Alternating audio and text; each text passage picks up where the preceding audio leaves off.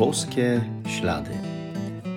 To jest podcast o poszukiwaniu znaków obecności Boga w naszym życiu, o słuchaniu Jego słowa i o trosce o własne zbawienie. Zapraszam.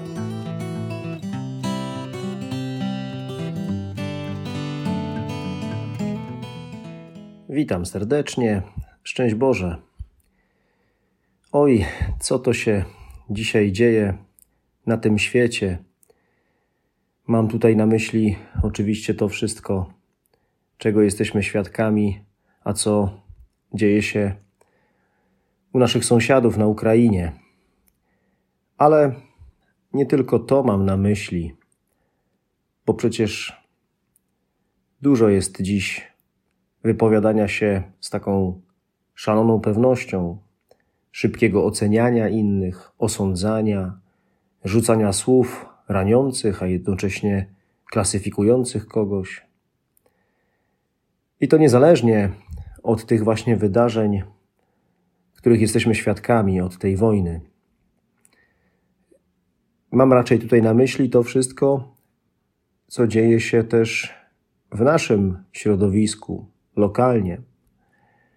Ten stan rzeczy, dotyczy nie tylko przestrzeni publicznej, tego, co się dzieje w mediach, ale często też tego, co się dzieje w pracy, na studiach, we wspólnotach, także w domach rodzinnych. Oczywiście, teraz w obliczu wojny na Ukrainie ludzie się jednoczą, jest może więcej życzliwości. W ogóle na świecie jest wiele więcej dobra, miłości, życzliwości. O tym się tak nie mówi, a powinno. Chrześcijanie są od tego, żeby zauważać dobro, a nie od tego, żeby podkreślać zło. Warto jednak przyglądnąć się sobie i zobaczyć, czy może jakieś moje postawy, jakaś moja tendencja zabija właśnie to dobro, które jest we mnie, które jest w innych. Może częściej widzę właśnie wady innych niż ich zalety. Dobrze jest to w sobie sprawdzić. Tego dotyczy też ostrzeżenie Pana Jezusa. Posłuchajmy słów Ewangelii według świętego Łukasza. Jezus opowiedział uczniom przypowieść. Czy może niewidomy prowadzić niewidomego? Czy nie wpadną w dół obydwaj? Uczeń nie przewyższa nauczyciela lecz każdy dopiero w pełni wykształcony będzie jak jego nauczyciel. Czemu to widzisz drzazgę w oku swego brata, a nie dostrzegasz belki we własnym oku? Jak możesz mówić swemu bratu, bracie, pozwól, że usunę drzazgę, która jest w twoim oku, podczas gdy sam belki w swoim oku nie widzisz? Obudniku, Usuń najpierw belkę ze swego oka, potem przejrzysz, ażeby usunąć drzazgę z oka brata swego. Nie ma drzewa dobrego, które by wydawało zły owoc, ani też drzewa złego, które by dobry owoc wydawało. Po własnym owocu bowiem poznaje się każde drzewo. Nie zrywa się fig z ciernia, ani z krzaka jeżyny nie zbiera się winogron. Dobry człowiek z dobrego skarbca swego serca wydobywa dobro, a zły człowiek ze złego skarbca wydobywa zło. Bo z obfitości serca mówią jego usta. Można by było powiedzieć, że Pan Jezus znów ma rację, kiedy mówi o tym, jakie są w nas tendencje do reakcji na innych, że niekiedy zauważamy, tak bardzo szybko, odruchowo, że ktoś coś złego zrobił i, i wtedy reagujemy, może nawet to rozpowiadamy, e, mówimy to o tym innym. E, zbyt szybko chcemy e, właśnie coś innym wypomnieć, że łatwiej też nam przychodzi ocenianie innych, a może i osądzanie, a nie widzimy, że no, my mamy podobny problem, albo inny, może jeszcze większy, i to nie z kimś, z czymś, ale ze sobą. Nie jesteśmy bez winy. Widzimy drzazgę w oczach innych, a nie potrafimy dostrzec belki w swoim oku. Skąd to się bierze?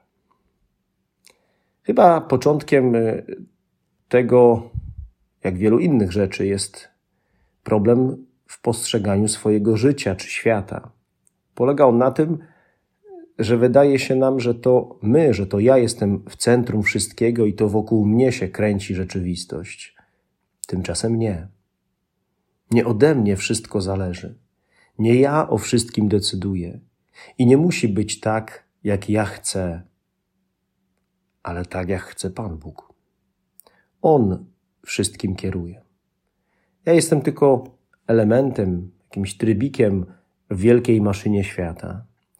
I nie mnie oceniać teraz, czy inne trybiki są idealne, czy zaniedbują to, czy tamto. Jest twórca i opiekun tej maszyny nazywanej światem. To nie ja jestem punktem odniesienia dla wszystkich ludzkich decyzji i działań i tego, jak ma być. To Bóg jest dla nas odniesieniem. I spokojnie. Dużo więcej spokoju, dystansu, przyhamowania w ocenianiu tych, którzy są obok mnie. I to mi się przyda. Więcej skromności, roztropności i pokory. Problem oceniania drugiej osoby, osądzania, związany jest także z tym, że tak naprawdę przecież, y, kiedy to robimy, to robimy to na podstawie jakichś y, szczątkowych danych na temat tej osoby i jej działań. Przecież nie mamy pełnych danych, wystarczających danych, żeby to zrobić, żeby kogoś ocenić. Coś może wiem, coś mi się narzuca z opinii publicznej o tej osobie, albo po prostu coś zauważyłem, jakieś wieści do mnie dochodzą, ale czy to wszystko po pierwsze jest pewne, jasne i nie poddane pod żadną wątpliwość? Czy to jest wszystko o tej osobie? Czy to jest naprawdę wystarczające, żeby tak, a nie inaczej tą osobę ocenić? Przecież my nie wiemy wszystkiego, nie wiemy wszystkiego o własnej rodzinie, a nawet o swoich domownikach, a co dopiero o kimś we wspólnocie, o kimś z mojego miasta, kraju. Tylko Bóg wszystko wie. I oczywiście nie chodzi tutaj o to, żeby nie mieć wyrobionego zdania na dany temat, czy też o osobie publicznej, bo od lat jej czyny świadczą o niej, no i nie może być inaczej. Ale chodzi o to, żebym nie osądzał tego kogoś i żebym podchodził do tego zdecydowanie spokojniej. Takie podejście jest też dla mnie o wiele, wiele zdrowsze. No i wreszcie argument ostateczny to ten, że jeśli On, Bóg, mnie nie ocenia, to czemu ja napinam się już w sercu, w myślach kogoś osądziłem? Nie jestem od tego, nie jestem Bogiem. A nawet jeśli próbowałbym być, to On nie osądza od razu. Bóg daje kolejną szansę. Czeka cierpliwie na owoce życia i jest miłosierny. A ja? No więc może przede wszystkim w tym by trzeba było go naśladować. Skupić się na dobru, je zauważyć w innych, uwypuklić, wypowiedzieć do kogoś. Zło zawsze będzie krzykliwe, będzie chciało wypłynąć, będzie chciało namieszać i nas zdominować. Ono ma swoje źródło w ludzkim sercu, tak. Z serca człowieka pochodzą zarówno złe, jak i dobre rzeczy. Ale skupianie się na złych niczego dobrego nie zrobi. Lepiej skupić się na dobrych i je podlewać, aby wzrosły. Sztuką nie jest zauważyć, że ktoś popełnił błąd i szybko mu to wytknąć. Sztuką jest w gąszczu złych postaw zauważyć, że ktoś robi coś jednak dobrego i może go to dużo kosztuje, może ciągle próbuje, stara się. Warto to zauważyć, wzmocnić, wypowiedzieć komplement do tej osoby. Jeśli jednak już chcemy kogoś upominać, to zróbmy to na zasadzie braterskiego upomnienia. A więc tak, żeby on sam poczuł się nieatakowany, ale zechciał rzeczywiście to, co złe w sobie zmienić. To jest trudna i bardzo kosztowna praca dla upominającego. Wolimy przecież rzucać teksty na prawo i lewo, niż zastanowić się, jak tutaj błądzącemu pomóc, czy też jak wdrożyć jakiś szerszy, bardziej kosztowny plan naprawczy. Tym bardziej, że usunięcie belki ze swego oka to nie tylko sprawa zaprzestania popełniania jakiegoś grzechu, ale to także usunięcie w sobie negatywnych uczuć do tego, kogo się chce upomnieć, usunięcie urazy, uprzedzenia, pogardy, gniewu i zastąpienie tego pragnieniem dobra dla tego kogoś.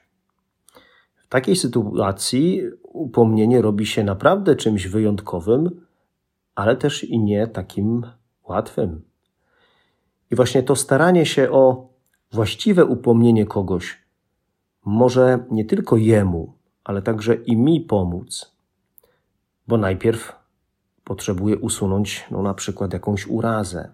Potrzebuję zrobić refleksję nad tym, jak mam kogoś upomnieć, przygotować pewien plan, yy, pójść na modlitwę, może nawet wspólną z tą osobą, zwrócić jej uwagę na problem i to jeszcze w taki sposób, aby ten ktoś poczuł, że jest kochany, że mi na nim zależy, że mi też zależy na dobru większej grupy osób. Takie upomnienie to jest konkretne zadanie do wykonania, wcześniej przemyślane, przemodlone, a przez to uczynione właśnie z Bogiem i z pokorą czy świadomością, że i ja też popełniam błędy, też nie jestem idealny. Co widzę, kiedy patrzę na innych? Co widzę? Co mówię? Jak reaguję? Jeśli mam kogoś prowadzić, jeśli mam kogoś pouczać, to muszę widzieć nie tylko jego błędy, ale i swoje niedoskonałości. To potrzebuję patrzeć Bożymi oczami na tych, których Pan Bóg mi daje, czyli z miłością. We wszystkim przecież On, Bóg, ma być punktem odniesienia. On i Jego Słowo, a nie moje ja. No bo tak naprawdę to On wyciąga belki i drzazgi. On przemienia serca, a my mu tylko w tym pomagamy.